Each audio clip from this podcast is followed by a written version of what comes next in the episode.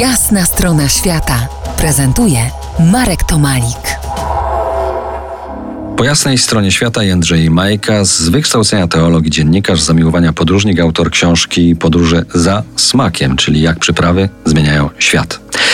Jędrzeju, opowiedz nam, jak przyprawy właśnie zmieniają świat. Zmieniają nasze upodobania smakowe, kulinarne, ale, ale czy o coś więcej tutaj nie chodzi? O, z różnych stron moglibyśmy ten temat u, uderzyć. Właściwie takim punktem wyjścia y, do napisania tej książki była obecność na różnych targowiskach, gdzie oczywiście zadaniem każdego sprzedawcy jest wcisnąć towar, ale mnie zaciekawiła rzecz zupełnie inna, że sprzedawcy, chociażby sprzedawcy szafranu w Maroku będą mi wmawiać, że najlepszy szafran pochodzi z gór Atlasu. Kiedy będę w Iranie, usłyszę, że mam kupić irański, bo jest najlepszy na świecie. Kiedy będę w Indiach czy w Kaszmirze, y, będą kazali mi kupić właśnie tamten. Stąd się zrodziło moje pytanie, skąd jest dana przyprawa najlepsza i jak do nas trafiła? Powędrujmy yy, na chwilę do krainy, gdzie pieprz rośnie. Ty jesteś uzależniony od kawy i fotografowania studzienek. Ja od pieprzu jestem właśnie uzależniony. Sięgnijmy do prehistorii. Kto na początku pierwszego milenium jadał yy, miód z pieprzem? No, jadał oczywiście Neron. Słynne jego kanapki z miodem, yy, z miodem i pieprzem przeszły yy, do historii. Nie wiadomo, czy jest to legenda, czy nie, ale bez wątpienia pieprz od zawsze nazywany zresztą czarnym złotem, no, wpływał na niejedną gospodarkę i na historię niejednego kraju i był też przez wieki bardzo mocno podrabiany. Właściwie do XVII wieku pieprz był czymś wyjątkowym. Później stworzyła się moda, na kuchni, moda we Francji na kuchnię łagodną, przez to cena pieprzu zaczęła spadać. No i dzisiaj zakupienie kilograma pieprzu dla każdego z nas nie jest jakimś wielkim wyzwaniem.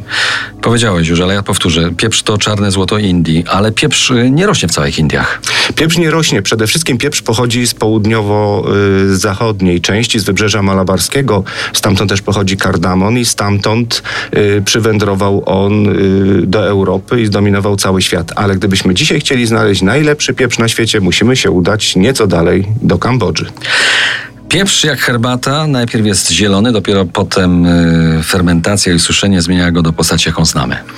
Otóż to, to jest taka rzecz, która może zadziwić, bo kiedy jesteśmy na dobrym targowisku, no to mamy cały wachlarz pieprzy do kupienia. Będzie pieprz zielony, pieprz biały, pieprz czarny. Te wszystkie trzy gatunki pochodzą z tego samego pieprzowca, tylko zrywane są na różnym etapie dojrzewania i poddawane są różnej obróbce.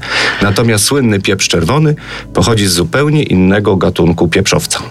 Wróćmy w takim razie jeszcze do wieków średnich, do Francji. Może nie tylko tam. Mówiło się wtedy drogi jak pieprz. Jak drogi był wtedy pieprz? Pieprz był bardzo drogi, dlatego też go bardzo mocno podrabiano. Kiedy y, w XVI wieku y, sprowadzono aframon madagaskarski, to żeby utrzymać wysoką cenę pieprzu czarnego, który my dzisiaj znamy, król portugalski zabronił sprzedaży tego substytutu pieprzu. Więc pieprz był zawsze y, produktem bardzo ekskluzywnym i bardzo drogim. Za kilkanaście minut wybierzemy się na krucjatę. Dowiemy się o gorzkiej i ostrej przyprawie krzyżowców. Zostańcie z nami po jasnej stronie świata.